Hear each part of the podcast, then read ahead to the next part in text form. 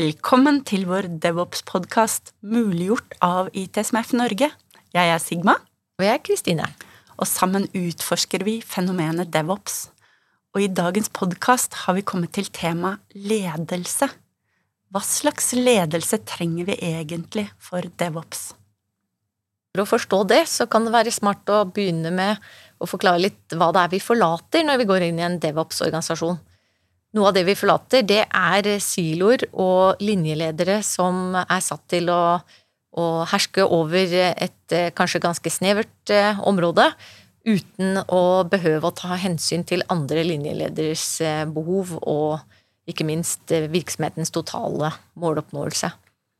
Og de tenker kanskje de har fokus på total måloppnåelse, men når du ser hvordan det er oppdelt, så har de jo mest fokus på sin silo og sitt område. Der har du den hierarkiske organisasjonen, hvor den er, den er skrudd sammen med eh, den bakenforliggende filosofien, at det er lederne som tenker, og arbeiderne som utfører.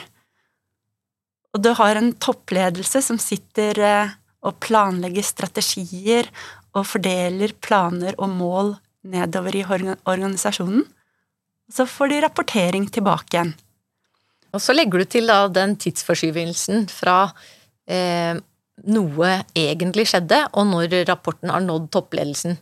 Så at du i tillegg også ikke egentlig vet hvordan eh, tingenes tilstand er akkurat nå. Du vet hvordan det var kanskje forrige måned, forrige kvartal, eller enda verre, forrige halvår eller år. Og da sitter du med ledere som vet mer enn alle andre fordi at eh, organisasjonen er skrudd slik sammen og informasjonsstrømmen går opp dit. Mens det vi egentlig gjør i DevOps-team, er jo å snu hele organisasjonen på hodet med at eh, teamene, de er eh, satt opp slik at de jobber kundenært med virkelige problemer. Og vi snur informasjonsstrømmen, da, så lederne sin oppgave blir å eh, la disse teamene få tilgang på akkurat den informasjonen de trenger, når de trenger det. Og teamene skaffer jo ofte det selv ved å få rask tilbakemelding fra sine kunder og feedback eh, underveis på hvert eneste steg i arbeidet sitt, og de har fokus på flyten. Og når eh, teamene finner ut at her må vi gjøre det større grep, så melder de det oppover. Og ha gjerne en leder som tar det opp med lederne over seg, fordi kanskje man må legge til rette i strategien, eller den, eh, det veikartet man har. Eh, sånn at man får mer eh, tid og ressurser til å jobbe med det. Og det er ofte teammedlemmene selv som, som finner ut hva det er som er mulig. Det er de som vet hvordan ny teknologi muliggjør det som var umulig eller kjempedyrt for bare noen få år siden. Og på denne måten så blir det mulig å ha en organisasjon som er rigget for å skape verdi i en kontinuerlig flyt, og slik var det slett ikke tidligere. For da hadde var organisasjonen delt opp slik at eh, når det kommer en henvendelse fra en eh, kunde, så skal det gjennom mange ulike siloer for å bli behandlet, og vi mister fokuset på den kundeflyten underveis. Og så har du da hver silo som eh, blir eh, De som jobber der, blir jo eh, målt på det de leverer innenfor siloen, istedenfor å bli målt på helheten. Og så for å klatte på det her, da, så kom det jo prosjekter. Som var da en temporær organisasjon som skulle typisk bestå av representanter fra hver av disse siloene som inngikk, som man trengte hjelp av for å klare å levere et helhetlig produkt. Og, og de skulle oppløses når de var ferdig. Og da var det jo opp til linjelederne å sørge for at de ikke tok imot noen ting som ble laget som de skulle ha ansvar for etterpå, uten at det var perfekt. Og da sitter folk som jobber i en eh, silo, da, som gjerne er en eh, gruppe satt sammen av spesialistkompetansen sin, og de skal håndtere henvendelser eh, fra linja og fra ulike prosjekter, og kanskje er en ressurs i dette teamet også utleid til eh, tre prosjekter samtidig, og skal rapportere flere eh, steder. Så det med multitasking og kontekstswitching og manglende eh, forståelse av den helhetlige leveransen, den er jo total. Jeg har selv vært eh, prosjektleder for prosjekter hvor eh, prosjektressurser blir forsøkt talt tilbake til å gjøre linjeoppgaver, eh, og hvor linjeleder har en formening om at vi ikke bruker den ressursen effektivt nok. De kan ha mye mer bruk for vedkommende. Selv om vi vet at vi bygger en løsning som kanskje gjør at den linjeoppgaven kan automatiseres så blir de allikevel tatt ut av prosjektet og satt til å utføre den oppgaven. Antageligvis fordi linjeleders kopier eh, ellers ville lide under at det ikke ble levert fort nok. Det er typisk ressursskvis. Og når lederne har fokus på å utnytte ressursene best mulig, og uh, i tillegg så skal de nå sine tall og budsjetter og mål um, Jeg har også opplevd den situasjonen du beskrev, og jeg har også opplevd å være i en eh, enhet og bli bedt om å bidra i en annen enhet og fått høre at nei, det går ikke, for det er et annet budsjett. Så den eh, helhetstankegangen og eh, rett og slett flyten stopper opp i den hierarkiske siloorganisasjonen. Og så, med DevOps, så beveger vi oss over til langvarig produktteam med færre eh, ansvarsinndelinger og mer helhetlig tenkning. Hvorfor er det viktig? Det er jo viktig for um, den verden vi lever i nå, den har endret seg drastisk. Uh, Dave Snowden har et rammeverk for å uh, skape mening, altså sette de problemene vi håndterer, i riktig kontekst. Og det han sier, er at det er utrolig viktig å forstå forskjellen på når et problem er komplisert, og når det er komplekst. Når et eh, problem er komplisert, så ja, det er vanskelig. Man har masse planlegging til, eller beregninger til, for å finne ut av det. Men det går an å tenke seg fram til det, eksempel å beregne banen til Halleys komet. Så der har du det kompleks, kompliserte domenet. Men derimot, den store forskjellen, når vi har komplekst problem, da er det mange, mange faktorer som spiller sammen.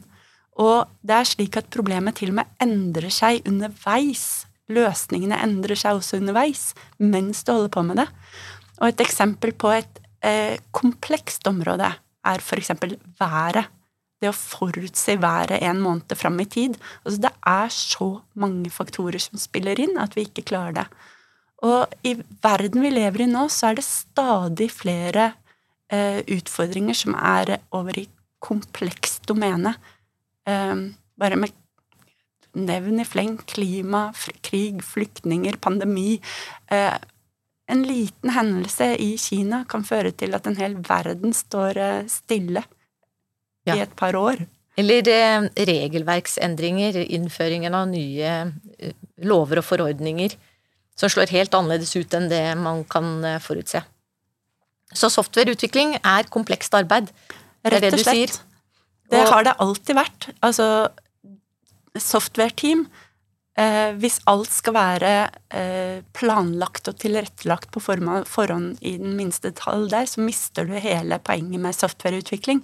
For der har du virkelig muligheten til å justere i eh, form av ny kunnskap og innhente fra mange kilder hele tiden og få tilbakemeldinger på arbeidet du gjør, og endre underveis. Problemet Problemstillingen kan endre seg underveis, kundekrav kan endre, endre seg underveis. Ja, Så hvis man også er flink til å bygge ting inkrementelt, altså du kan ta ut gevinster på å lage noe som du er rimelig trygg på vil treffe godt, og heller kunne ta vekk den eh, delen når det kommer noe som, er, eh, som krever at man endrer seg, og samtidig eh, sørge for at det kan leveres så hurtig at det, det har en gevinst selv om det er kortvarig. Der har du selve poenget, for det at i det komplekse domenet så er det ikke mulig å planlegge på forhånd, slik som det er mulig kanskje i det kompliserte, da. Hvis du skal bygge en veibro eller noe sånt, så er det mulig å planlegge mye detaljer på forhånd. I det komplekse domenet, derimot, så er ikke det mulig.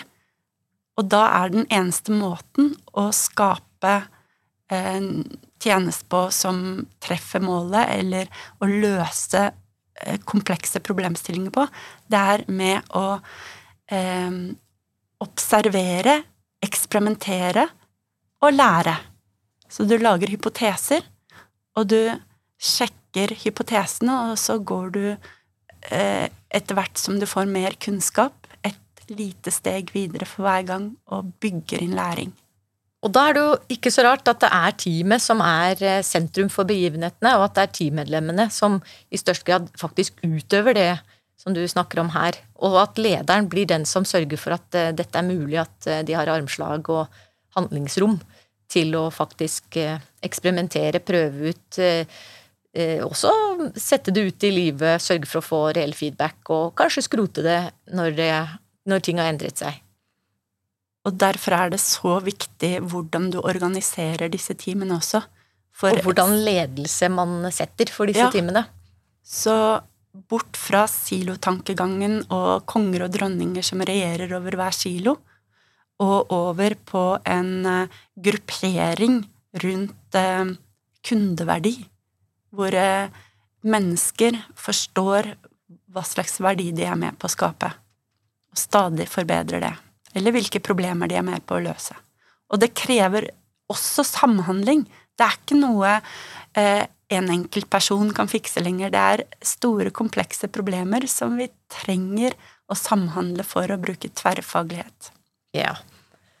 Så når man skal eh, etablere ny ledelse, eller gjøre noe med ledelsesprinsippene, har du noen tips fra, for hvordan man kan eh, gå fram? Man, hva man skal tenke på? Hvordan skal man eh, starte? Der har vi de grunnleggende DevOps-prinsippene, da som Jean Kim beskriver i The Phoenix Project. Og det, det, er tre viktige prinsipper som du bare må bygge alt på. Og det første, det er å forstå verdistrømmene. Ende til ende, fra behov oppstår til verdi er skapt. Og alt må organiseres rundt det. Altså tankesettet, mindsettet, må til og med være rundt det i organisasjonen. Nummer to det er også å etablere tilbakemeldinger underveis i de verdistrømmene. Og det kan jo være masse typer tilbakemeldinger. Ja, for da kan du jo eksempel eh, automatisere tester, sånn at du er sikker på at eh, det du er i ferd med å lage, funker etter hensikten. Eventuelt reelle tilbakemeldinger fra kunder så fort som mulig, før du har antatt for lenge og kanskje laga noe som ikke traff så godt. Eh, DevOps-team er jo utrolig flinke på å sette til monitorering også, for å få rask feedback og bygge eh, sånn dashboards eh, som de følger med på, for å se om f.eks. når de produksjonssetter, får rask tilbakemelding på om dette fungerte bra. Og da ser vi mindre og mindre sånn nedetidstilfeller, da. At man prøver å, å, logge seg på et system eller bruke et eller annet system, og så får du tilbakemelding med at systemet er nede den typen feilsituasjoner blir det jo færre av så lenge teamet selv monitorerer og er kjapp på pletten med å rette opp. Og de bygger en sikkerhet inn, og de bygger eh, automatiske tester som gjør at de oppdager ting før det går eh, feil ute i produksjon. Og når de har alt dette på plass, så er det det tredje prinsippet. Fordi at eh, DevOps-team, der må de skape en Eh, kultur hvor de kan eksperimentere og lære. Forutsetningen er at du har fått bygd de to første prinsippene, at du har verdistrømmene, at det er, en, er i trygge omgivelser. Da er det mye morsommere å eksperimentere og lære, for da får ikke feilene så stor konsekvens heller.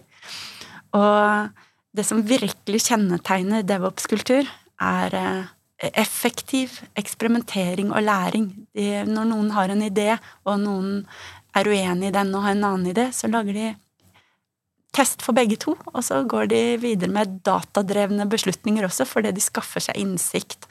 De har god, tett kontakt med kunder for å få raske tilbakemeldinger og teste ut ting. Ja, og der tenker jeg at eh, lederens oppgave det er å være støttende, og det å sørge for å gi slipp på både beslutningsfullmakter, altså hvem skal få lov å ta beslutninger på det nivået som trengs, og ikke minst delegere ansvar. Være tydelig på at eh, at eh, du kan få hjelp av meg hvis du trenger det. Hvis ikke så har du faktisk eh, anledning til å jobbe fritt med det du har påtatt deg eller fått ansvar for. Og i den organisasjonen jeg jobber i, så praktiserer vi det vi kaller servant leadership. Min leder er der for å støtte meg og mine kollegaer, sånn at vi kan jobbe uhindret, og også sørge for at vi er eh, i stand til å, å eh, ja, ta ansvar for ting, ikke minst. Altså at det er et handlingsrom der. Det er noen ting som vi har eh, muligheten til selv å følge opp. Mens jeg har jo vært i situasjoner tidligere hvor oppgaven er veldig godt definert, og ikke minst lederen min opplever at hvis ikke den daglig følger meg opp på hva jeg har gjort, så er den ikke en god leder. Mens det vi opplever nå, er at eh, i hvert fall min leder mye, i mye større grad spør er det noe jeg kan hjelpe deg med, er det noe du står fast på, er det noe du vil at jeg skal gjøre for deg? Som eh, blir mye mer effektivt, og ikke minst mye mer motiverende for meg som medarbeider. Det matcher utrolig godt med det de fant når de begynte å forske på hva de beste organisasjonene gjør innenfor DevOps. For der fant de jo ut at ledelse er en eh, avgjørende faktor. Riktig type ledelse.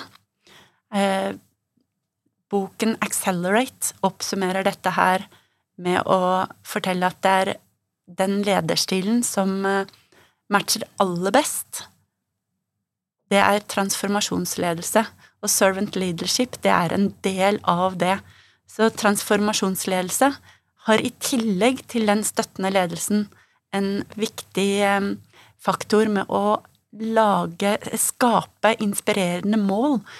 Eh, en visjon. Hva er det vi virkelig skal oppnå? Og eh, i tillegg til da å ha den the big why som gir drivkraft, så er transformasjonsledere. De er eh, flinke til intellektuell stimulering. De har tro på at teamet skal klare å løse dette her. Vi har jo ansatt dyktige folk, og de eh, må få eh, utfordringer. Og transformasjonsledere de har også inspirerende kommunikasjon. Og så er de støttende, sånn som du beskrev. Og i tillegg er de utrolig flinke til å gi anerkjennelse underveis. Klapp på skulderen til de som eh, har gjort en innsats. Det høres bra ut. Jeg tenker at mange nok vil kjenne seg igjen i det her med, med inspirerende kommunikasjon. Det å ha en leder som snakker til deg på en måte som gjør at du får lyst til å jobbe, eller du plutselig innser at uh, dette er viktig, ikke bare for en liten gruppe, men kanskje for flere. Det at de klarer å formidle den visjonen da, på en sånn måte som gjør at det blir aktuelt for meg. Det blir ikke bare noen sånne store 17. mai-taler. Det er noe som treffer meg, og ikke minst ting jeg kan påvirke. Jeg kan være med å lage noe. Da blir det jo kompasskursen som alle teamene styrer etter.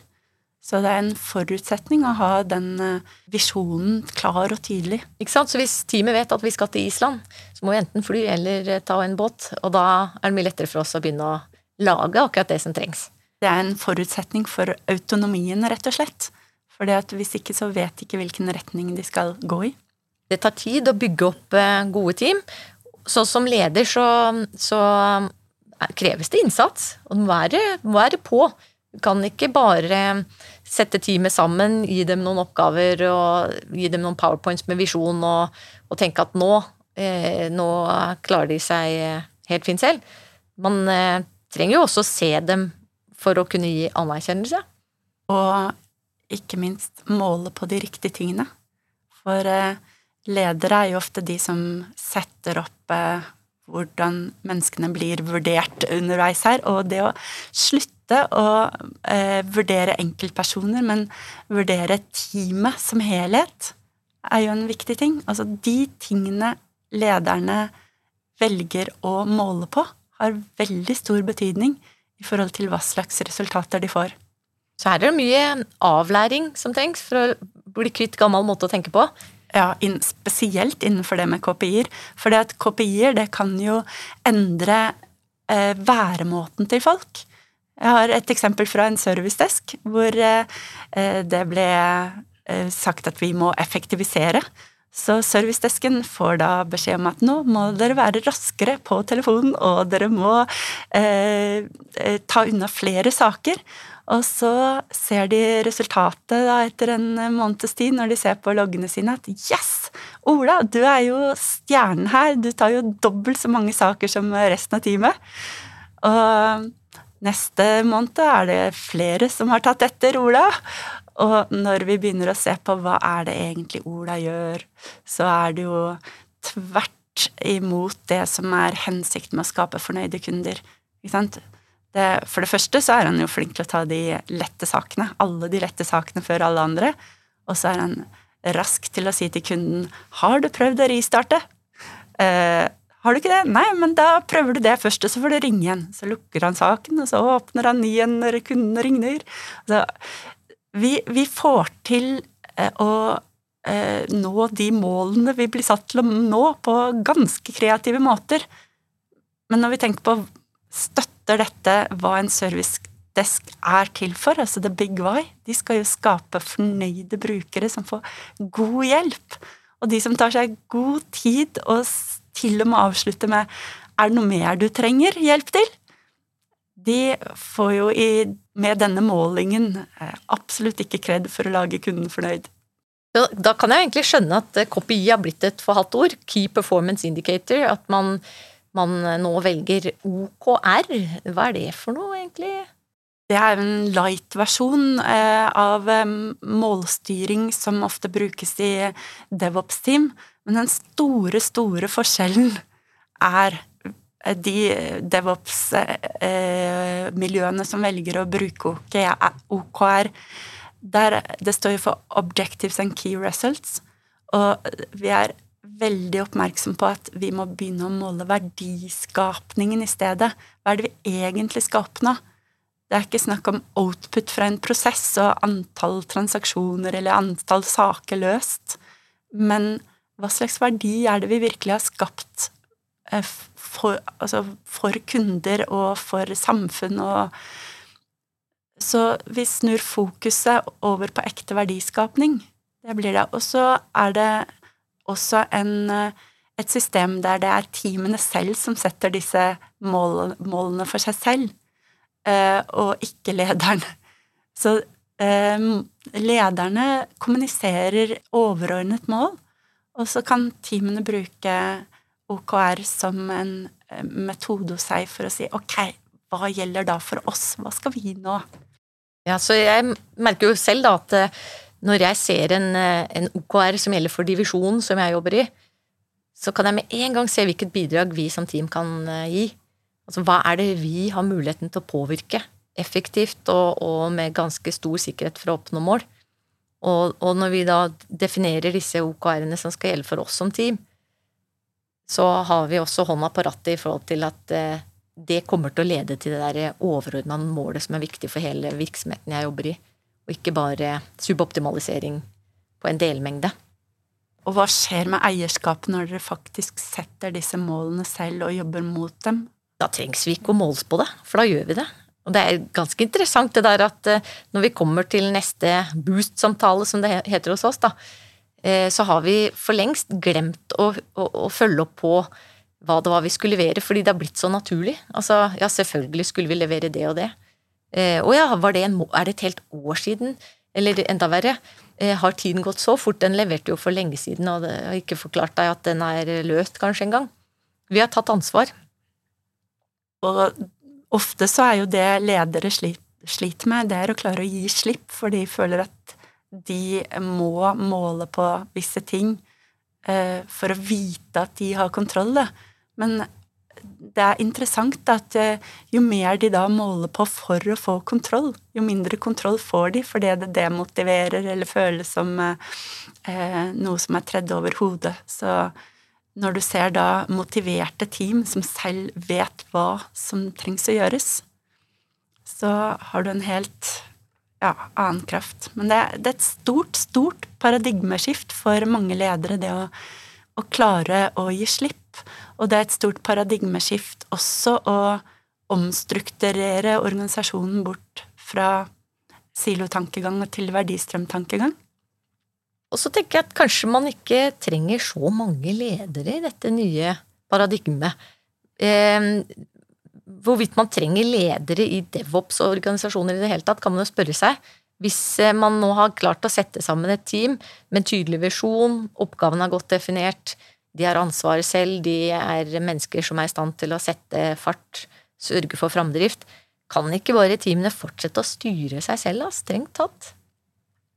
Det er jo et uh, interessant spørsmål, det der. Jeg tror at uh, mellomledere vi kommer til å gå over til mer bruk av agile coacher og scrum-mastere. Og at uh, det er helt klart at DevOps jeg, vet, jeg tror det faktisk krever flatere strukturer og andre måter å tenke struktur på, hvor du organiserer rundt kundeverdi istedenfor eh, spesialkompetanse. Så du får eh, verdioptimalisering istedenfor eh, og flytoptimalisering istedenfor ressursoptimalisering. Jeg er jo selv scrum master, så da har jeg eh, per i dag ikke egentlig et personallederansvar for de som er i, i, det teamet som jeg jobber i. Jeg er egentlig en medspiller på laget som har fått i oppgave å sørge for å avklare hvilke oppgaver vi skal ta inn i hver av våre sprinter, vil si en, hos oss, da, en uke. Hva, hvilke oppgaver skal vi jobbe med i den kommende uka? Og også spørre teammedlemmene om det er noe jeg kan hjelpe dem med. Fjerne hindringer for dem. Eller så gjør jeg teamoppgaver i form av arkitektur, da, for mitt vedkommende. Men det kunne man jo man kunne satt hvilken som helst utvikler til å være scrummaster. master. Eh, og som gjør utviklingsoppgaver ved siden av de, de få små ritualene som vi har da, som Scrum Master har ansvar for. Og det du gjør her, er jo å bruke mye mer av det menneskelige potensialet, hvor eh, mennesker kan eh, få mer dybdekunnskap om området sitt og samhandle og si også hva, hva trenger vi nå for å få verdiskapningen enda bedre. Kanskje vi trenger å knytte til oss eh, flere UX-designere for å forstå bedre hva kundene trenger, eller kanskje trenger vi å bygge mer kompetanse for utviklerne på testing. Um, jo, hvis et teammedlem sier at nå trenger jeg å ta et online-kurs, eller jeg trenger å lese noe, noe dokumentasjon, eller lage dokumentasjon, så, så er det bare et informasjonselement til meg. Jeg sier ikke ja eller nei. Jeg bare tar bort noen oppgaver, sånn at de får tid til å gjøre akkurat det de sa var viktig for dem å gjøre. I kontrast til hvordan jeg opplever når mange kommer på kurs hos meg, eh, så er det ja, det var det kurset vi hadde budsjett til i dette halvåret. Så vi må legge til rette for at eh, menneskene får lære det de trenger å lære, og vi må ha tillit til at de tar tak i de områdene som de er interessert i, og som også pass, altså, har tillit til at de bygger kompetanse på det som trengs for verdiskapningen. Og i, i eh, DevOps Team snakker vi jo eh, om at alle i teamene skal ha generalistkompetanse. Så har de ofte spesialkompetanse også. Og så bygger de eh, mer og mer kompetanse etter hvert. Så ofte snakker vi om T-shaped profile, hvor den eh, foten på T-en er spesialkompetanse, og toppen er generalistkompetanse. Og så etter hvert så bygger de flere føtter da, med spesialkompetanse, fordi at de blir dyktigere og dyktigere på det vi gjør. Tilbake til det vi sa med at de er i det komplekse domenet, så er det viktig å anerkjenne at teamene får eh, selvstyrt eh, Altså få være selvstyrte. Og um, ikke tro at det hjelper noen ting å sette på en rekke ledere for å styre dem. Altså, her ansetter vi folk som vi har tillit til, og som har kompetanse, og vi må, på denne måten får vi utnytte dem langt mer. Og så er det jo noen rammebetingelser som er satt.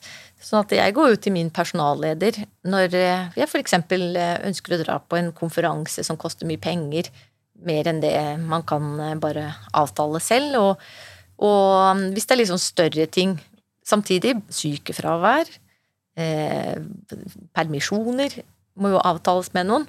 Så noen ledere, noen personalledere trenger man eh, fortsatt, selv om man har eh, scrum master eller agile coacher. Og dette handler jo om modenhet og ansvarsfølelse i teamene også. Og ideelt sett, da, når du har bygget modenhet, så har jo de ansatte her også en forståelse for disse rammene. Og, og, forståelse for er det lønnsomt, eh, er det viktig at jeg går, drar på den konferansen i forhold til akkurat det vi jobber med nå, så kan det være helt essensielt. Og vi kan så, spare masse penger på det, faktisk, ja. hvis det blir omsatt i praksis. Og da vil også sannsynligheten for at jeg får brukt det, mye større, fordi jeg også kan påvirke oppgavene mine i en viss grad. Og du tar det akkurat når du trenger det.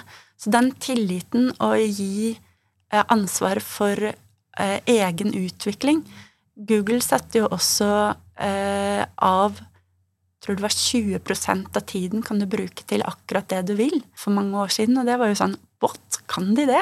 Men det er jo blitt vanlig i de fleste DevOps-organisasjoner nå, at du, du, styrer tiden din, og trenger du å sette deg ned og lære noen ting, så gjør det på den måten som eh, passer innenfor de rammene som du har, og Og så kan man sette av mye mindre tid til rapportering.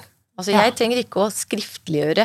Vi kan vise backloggen vår og status på alle oppgavene som vi har påtatt oss. Og vi kan i stor grad også la kundene få ta del i, i oppgavene og se på planene. Hvilke har vi tenkt til å løse når? Og i tillegg snakke med utviklerne selv. Det tar jo også vekk en del av den belastningen som har vært på de klassiske linjelederne, som, som det var forventa at skulle kunne svare nøyaktig på framdrift på alle mulige ting. Så de ble jo egentlig brukt litt som orakler. Nå er det kanskje noen systemer som, eh, som gir det samme svaret som en leder før ville gjort. Og dette bygger tillit når du ser at teamene leverer gang på gang, og du kan stole på dem. Jeg har en metafor som jeg har lyst til å ta opp. Eh, når du virkelig kommer over på dette skiftet i tankesett, som er så stort, og det kan sammenlignes med at eh, jorda er flat kontra jorda er rund. I den overgangen der så du, bygger du forståelse for at eh, vet du hva, jorda er ikke flat, den er faktisk rund. Og endelig så synker det inn. Ok, jeg skjønner hva du sier, jeg ser alle bevisene, jeg begynner å forstå det. Jorda er rund, ok, men ikke, ikke ta skipet for langt ut på kanten, da.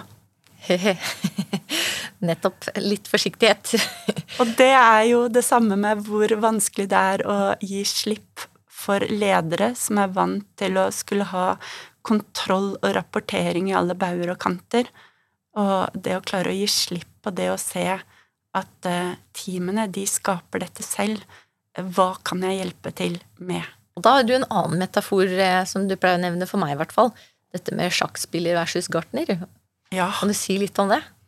Den gammeldagse måten å være leder på er jo at du eh, er en sjakkspiller som eh, tenker strategi og neste steg. Eh, og skifte fra å være en slik leder og over på å bli en gartner som eh, ser hvordan kan vi få blomster til å gro. Altså, vi bygger mennesker. Eh, blomster trenger gjødsler gjødsel. Og mennesker, hva trenger de for å vokse og gro? De trenger eh, anerkjennelse, de trenger å eh, få påfyll av kompetanse. De trenger kanskje kursing i selvledelse og stressmestring, og, og de trenger å få psykologisk trygghet, som er eh, en av de aller viktigste faktorene for å lykkes med DevOps, det er at eh, de som jobber i teamene, føler seg trygge, og det gjør at de kan eh, si sin mening og vite at det blir møtt med respekt, og vi lytter til hverandre, og sammen kan vi da sense omgivelsene og skape nye løsninger ved å eksperimentere og lære.